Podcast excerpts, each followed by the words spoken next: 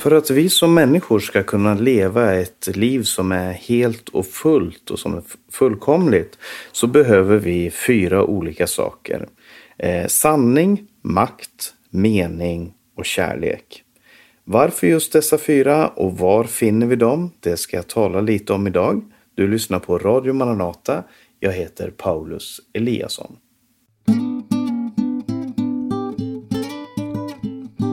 Varför ljuger människor? Eller kanske jag hellre ska säga varför ljuger jag? Eh, för att göra det här mer personligt. Jag ska inte försöka distansera mig ifrån det.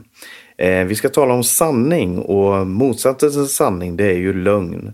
Eh, och lögnen handlar om att inbilla andra människor om att en fantasivärld är sann. Vi bygger upp en fantasivärld och säger det här är sanningen. Som regel handlar det om hur vi presenterar oss själva eller vad vi har gjort. Det handlar om att skapa en genväg till framgång som jag gör genom att försöka dölja mina fel. Jag kan säkert titta på ursäkter eller säga att ja, men det var en vit lögn eller det var, jag bara vred lite på det, jag förklarade lite på ett annorlunda sätt och så vidare. Men lögn är lögn. Det handlar om att man presenterar verkligheten på ett annat sätt än det man vet är sant. Eh, och som regel så funkar det här och de flesta av oss är nog eh, ganska duktiga på att ljuga och upprätthålla bilden som vi skulle önska var sann. Om det inte funkade att ljuga, om vi blev avslöjade hela tiden, ja då hade vi antagligen slutat med att ljuga. Men eh, ändå så är det så att de allra flesta människorna är nog eniga i att det är fel att ljuga. Och varför varför ligger det så intuitivt hos människan? Jag tror att det handlar om att eh, vi vet att en värld som domineras av lögn kommer att leda till kaos. Ju mer lögn, desto mer kaos. Och eh, du kan bara föreställa dig en värld som, där det bara är lögn. Då kan man inte förhålla sig till någonting. Man vet ingenting. Det enda man vet är vad som försiggår inne i ens eget huvud. Och när man inte kan lita på någon, även om eh, lögnen bara är dominerande och inte alltomfattande så skapar det misstro och det gör att man blir isolerad ifrån varandra som människor. Och den dystopiska världen den existerar ju naturligtvis inte men varje gång som vi ljuger så bygger vi upp den här världen. Vi bygger upp den här kaos eh, tillvaron eh, Eh, och skapar kaos. Och vi hoppas naturligtvis att det inte ska avslöjas eller att vi ska komma till rätta med det innan det eh, går överstyr och så vidare. Men eh, verkligheten är väl snarast den att eh, det motsatta är sant. Och Eh, en av de största lögnerna naturligtvis som en människa kan uppleva och som kanske berör en människa allra djupast. Det är den lögnen som handlar om otrohet. Eh, när, när två personer är gifta och den ene då eh, har ett förhållande vid sidan om och sen så kanske det går en tid, kanske flera år och det här blir avslöjat så ser man lögnens eh, makt att förstöra. För att för den andra människan så handlar det inte bara om att världen faller ner och man tänker okej, okay, så han älskar mig inte eller hon älskar mig inte längre. Eh, det här som jag trodde var där är inte längre, utan det handlar om att man börjar fråga sig vad är egentligen sanning? Har jag levt en lögn? Har all min glädje, all min sorg, all min kamp och så vidare, har det bara varit för en lögn? Eh, och det bryter ner en människa och man börjar fråga sig var började de här lögnerna? Vad var sant och vad var inte det? Och många psykologer menar att när man utsätts för sådana eh, omfattande lögner så förlorar man greppet om verkligheten. Var det jag såg en verklig upplevelse? Var jag verkligen lycklig när jag, när jag upplevde det här? Är hela mitt liv baserat på en lögn? Det är därför som vi behöver sanningen, därför att sanningens värld, alltså en värld där vi talar ärligt till varandra, där vi är 100% ärliga, om vi föreställer oss den världen istället, det är på alla sätt en bättre värld än lögnens värld. Det är bara därför att vi ljuger som vi känner behovet av att ljuga mer. Om världen var sann och helt sann så hade vi aldrig haft det behovet. Det är vår svaghet som leder till lögn. Eh, och sanningen kan ju ofta göra ont, det vet alla som har försökt säga sanningen i en obekväm situation. Men alternativet, det är kaos. Och hade jag nu varit en psykolog, hade jag varit den här världskända eh, psykologen och mediafenomenet Jordan B. Peterson till exempel så vet jag att i hans böcker så talar han om det här med sanning och lögn och han säger sånt som att gör alltid ditt allra bästa för att alltid tala sanning och säger att ja, även om sanningen kan smärta så, och försätta dig i problem ibland så kommer du till slut bygga en personlighet som folk kan lita på. Det kommer vara bättre för dig själv och det kommer vara bättre för andra. Eh, det är det psykologiska svaret. Men jag tror inte att problemet bara ligger i oss själva. Eh, jag tror att det finns en, en lögnens ande som härskar i den här världen.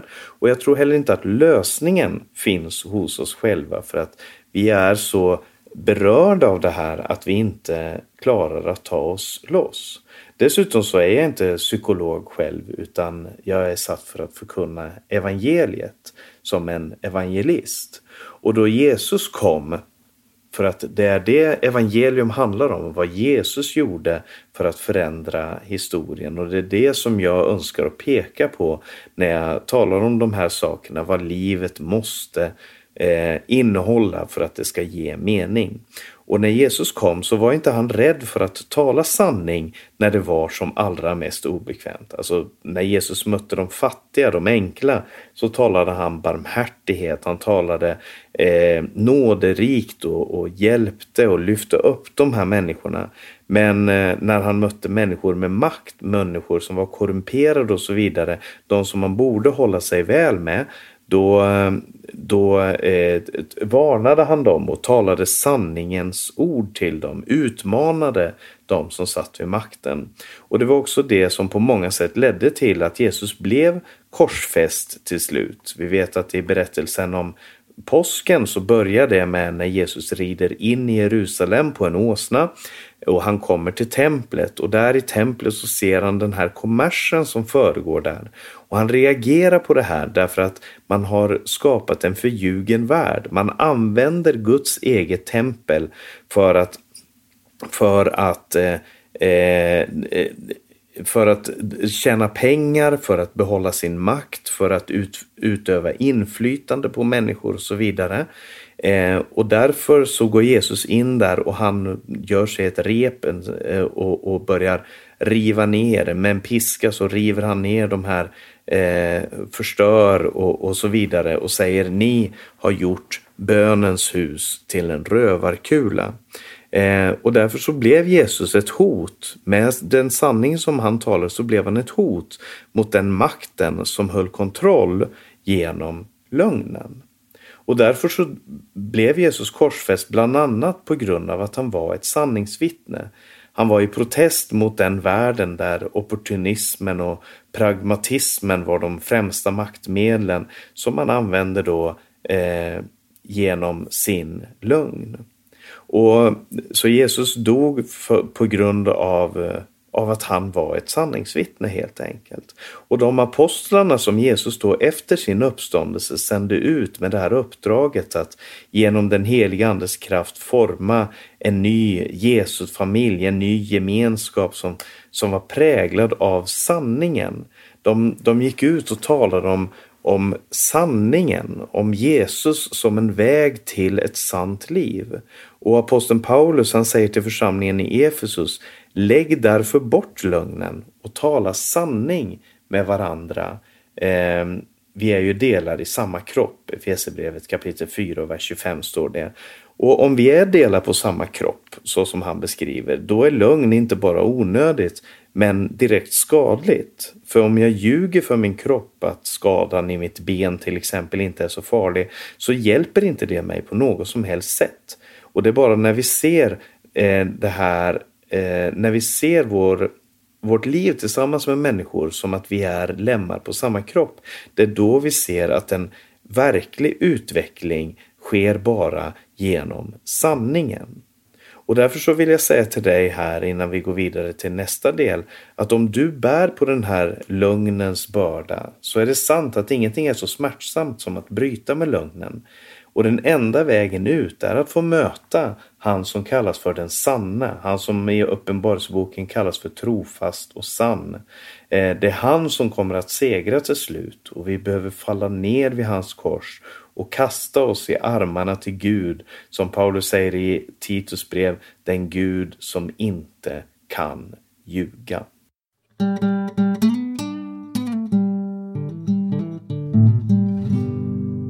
Nu ska jag tala lite om makt. Och makt det låter inte bra för man tänker automatiskt på ekonomisk makt, politisk makt och kanske på manipulation och våld.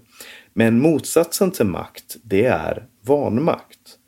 Och det klarar inte vi människor att leva med. Har du känt vanmakt någon gång? Det är kanske är någon som har makt som har tvingat dig att göra någonting som du inte ville. Men du hade inte makt att göra det du själv ville. Eller kanske du upplever vanmakt inför saker och ting som du skulle vilja bli befriad ifrån, sånt som du hålls slav under. Under pornografi, under lögn, under lathet eller någonting annat. Och det vanmakt skapar hos en människa, oavsett vilken slags vanmakt det handlar om, så skapar det frustration. Och det kanske du har upplevt i din arbetssituation där du inte har makt att förändra på ditt arbetsliv, inte har makt att söka ett nytt jobb eller vad det kan handla om. Så skapar det frustration. Det kan handla om ditt förhållande till en annan människa, eh, vänskap eller äktenskap eh, där man upplever en vanmakt inför det att man inte har möjlighet att förändra den, det liv som man lever. Eller kanske till och med i den kristna församling, om du är med i en kristen församling och upplever vanmakt inför det som handlar om eh, ditt andliga liv, att du, att du hindras i ditt andliga liv. Och i Bibeln så talas så mycket om maktlösa människor, de som befinner sig längst ner på den sociala rangstegen. I Bibeln så talas det om änkor, om faderlösa, om främlingar och barn. Eh, och väldigt många, väldigt ofta så är det de, just de här grupperna som står som representanter för de maktlösa. De som upplever en frustration över sin eh, position, sin, sin tillvaro, sitt liv. Och i, i Bibeln så ger Jesus en liknelse om en änka och en domare. Eh, och i den här berättelsen så är den här, har den här änkan en rättssak med någon och hon känner en vanmakt inför det faktum att hon själv har ju ingen eh, hon har ingen man som kan föra hennes talan och hennes sociala status är den absolut lägsta. Eh, och hon går till den här domaren och och, och, för att det står att domaren han var en orättfärdig man. Och hon, hon går till den här domaren och börjar tjata på honom, börjar säga ge mig rätt mot min motpart.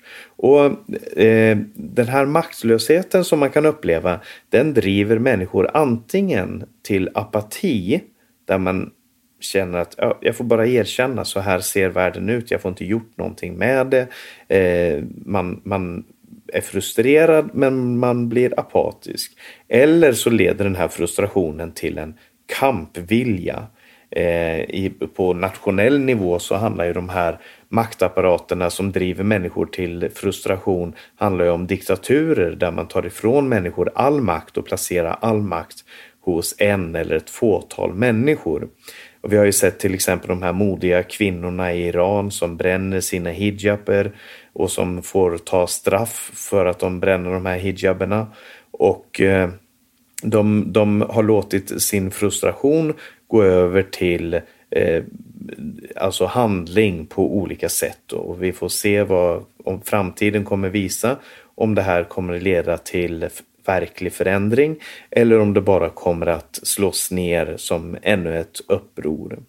Eh, men frågan är om det finns ett tredje alternativ vid sidan om apati och revolution för att säga det så. I liknelsen om änkan och domaren så valde änkan varken att underkasta sig den här orättfärdiga domaren. Hon valde heller inte att ta till vapen och gå till krig emot honom.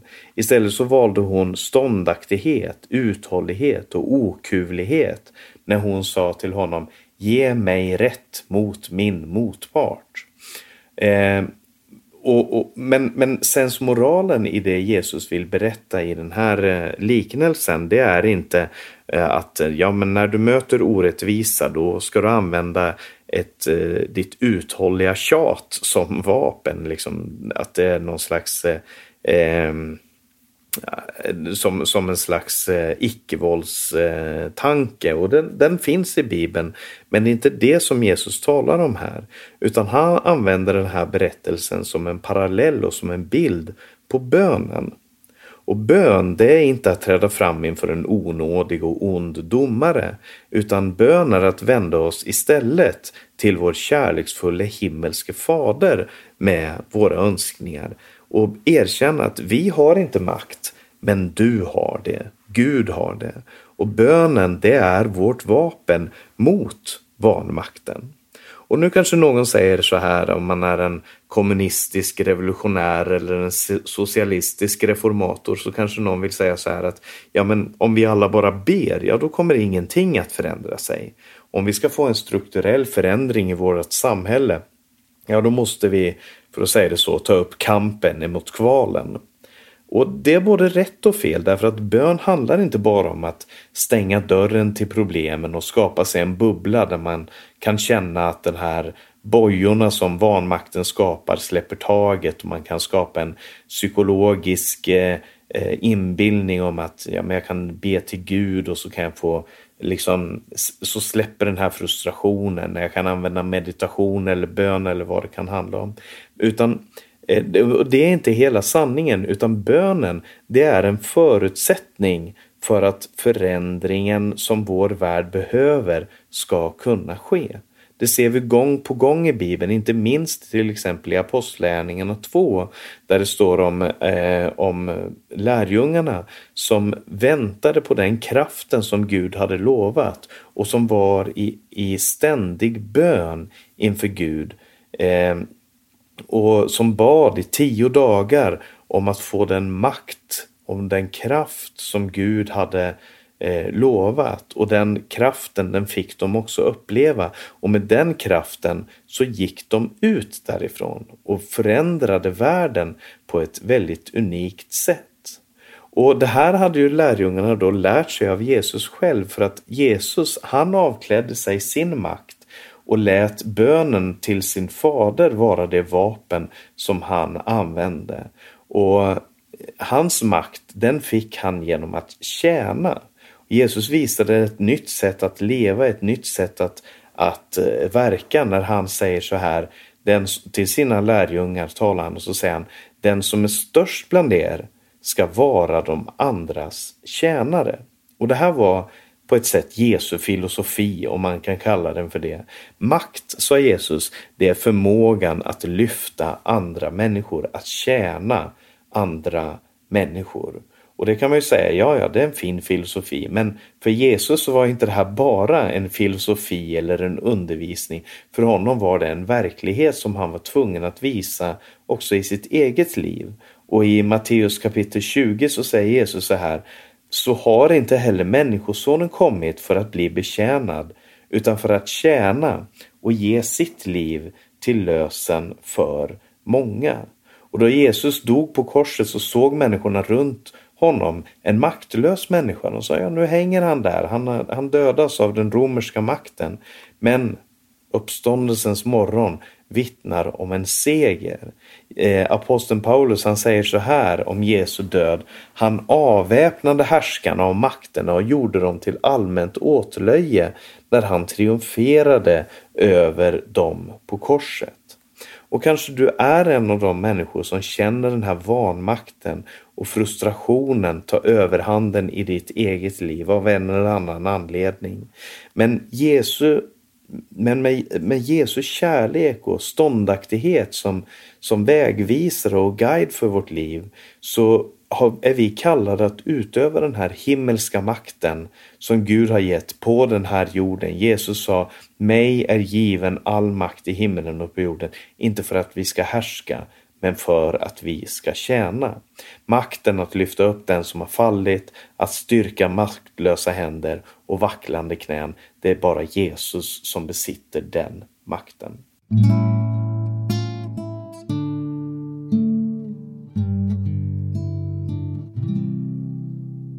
Jag ska säga någonting också om mening. Mening och mål, mål och mening.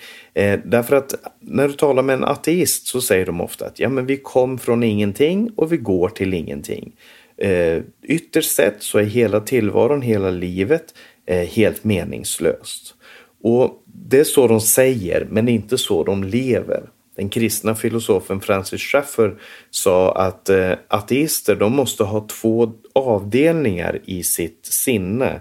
En avdelning där de beskriver hur världen är förskaffad utan Gud, där de säger att allt har kommit till av en, av en eh, slump och det finns ingen tanke bakom, det är ingen mening bakom livet eller existensen. Eh, men de kan inte leva på det sättet som om det inte fanns någon mening. Och därför så har man skapat en annan avdelning i sitt sinne där man blir upprörd över rasism och orättvisor, där man genuint älskar sina barn eller kämpar för en bättre fram framtid och man arbetar mot hat och så vidare. Och de här två världarna kan inte förenas i den ateistiska synen på världen därför att de passar inte ihop.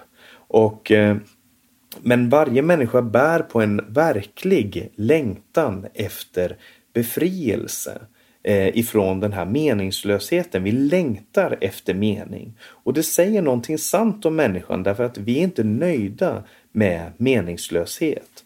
Och som kristen så upplever jag vissa saker som jag gör som djupt meningsfulla. Om det är rätt eller fel, det kan man diskutera.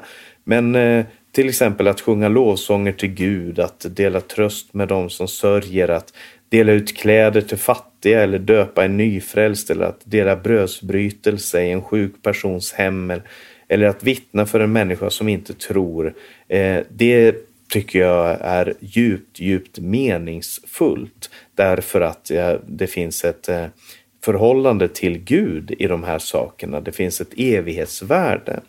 Men tänk om allting är meningslöst. En gång när vi var ute och delade ut kläder i Rumänien så var det en gammal man som kom fram till oss medan vi höll på där och som ville viska någonting till mig och så gick han fram till mig och så sa han Du, allt det ni gör är helt meningslöst. Ni gör ingenting gott. Och det får man ju säga var en ganska eh, speciell upplevelse. Man trodde att man gjorde någonting som var gott och så säger någon att nej, ni gör ingenting gott. Men det fick mig att tänka, alltså, tänk om allt jag har gjort det här meningslöst.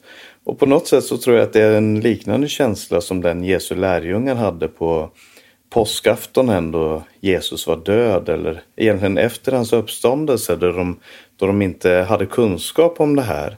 Eh, efter Jesu uppståndelse så står det att eh, Petrus sa till de andra lärjungarna, Simon Petrus sa till de andra lärjungarna att eh, jag, jag går och fiskar. Och han eh, föll tillbaka till sitt gamla liv som på många sätt var, kanske var meningslöst men som i alla fall kändes som att ja, men det här är någonting jag kan, det här är någonting jag förstår. Och, men efter det, den natten då han hade tillsammans med de andra lärjungarna varit ute och fiskat så mötte han Jesus där på stranden och Jesus kom till honom och samtalade med honom och sa en väldigt viktig fråga och det var frågan Simon, Johannes son, älskar du mig? Och den frågan den är en inblick i själva Jesu eget hjärta och svarar på vad Jesus anser som meningsfullt.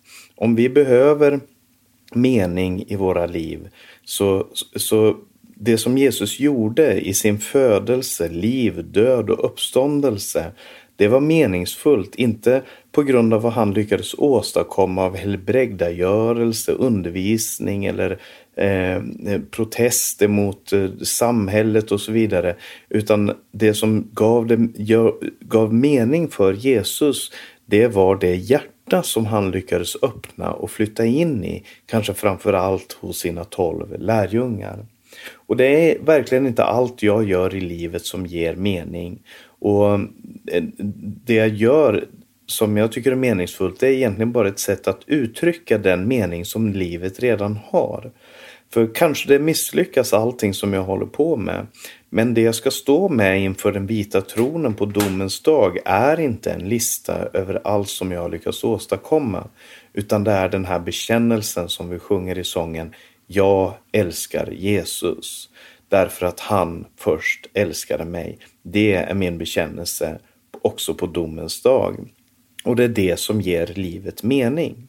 Och det är det här som är det största av allt. Därför att vi har talat om vi har talat om sanning, vi har talat om makt och vi har talat om mening och nu har vi kommit fram till det sista som jag skulle nämna och det är kärleken.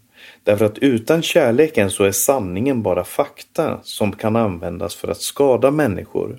Och utan kärlek så är makten en, ett fruktansvärt vapen i hatets tjänst. Och utan kärlek så är mening innehållslöst.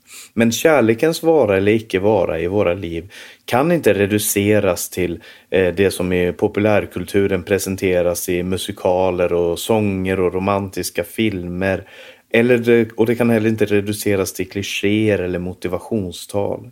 Därför att vår värld, den är dominerad av två ting. Och det är äkta hat och det är falsk kärlek den här parollen som människor för fram, följ ditt hjärta, det har blivit liktydigt med följ dina begär oavsett var de för någonstans, vad de förstör, vad de ruinerar och vad de skadar.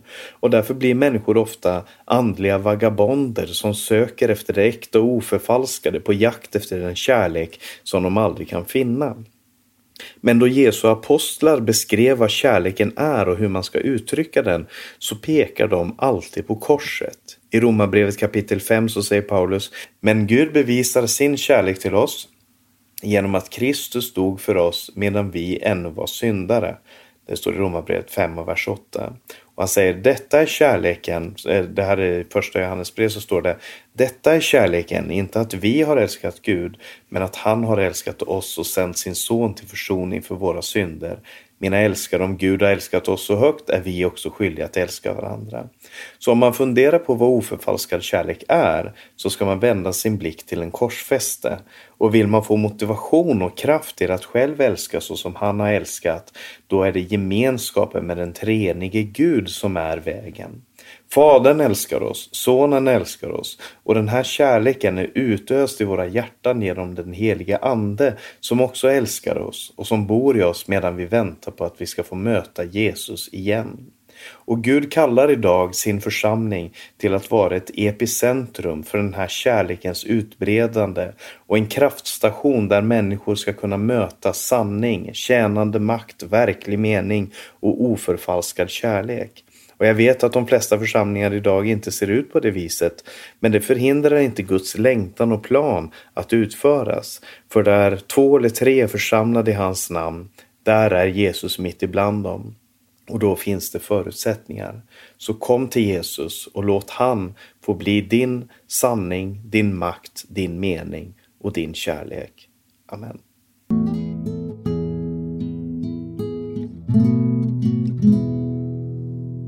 Vi ska alldeles strax lyssna på sången Jag älskar Jesus med Gunno Andersson.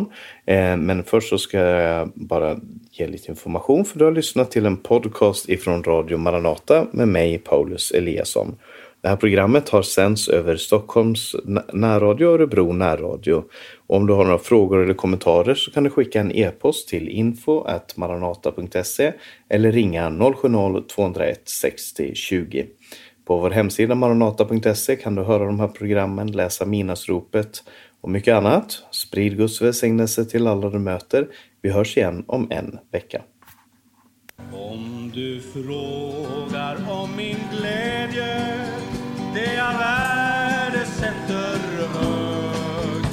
Om du söker rikedomar, söker det jag sätter högt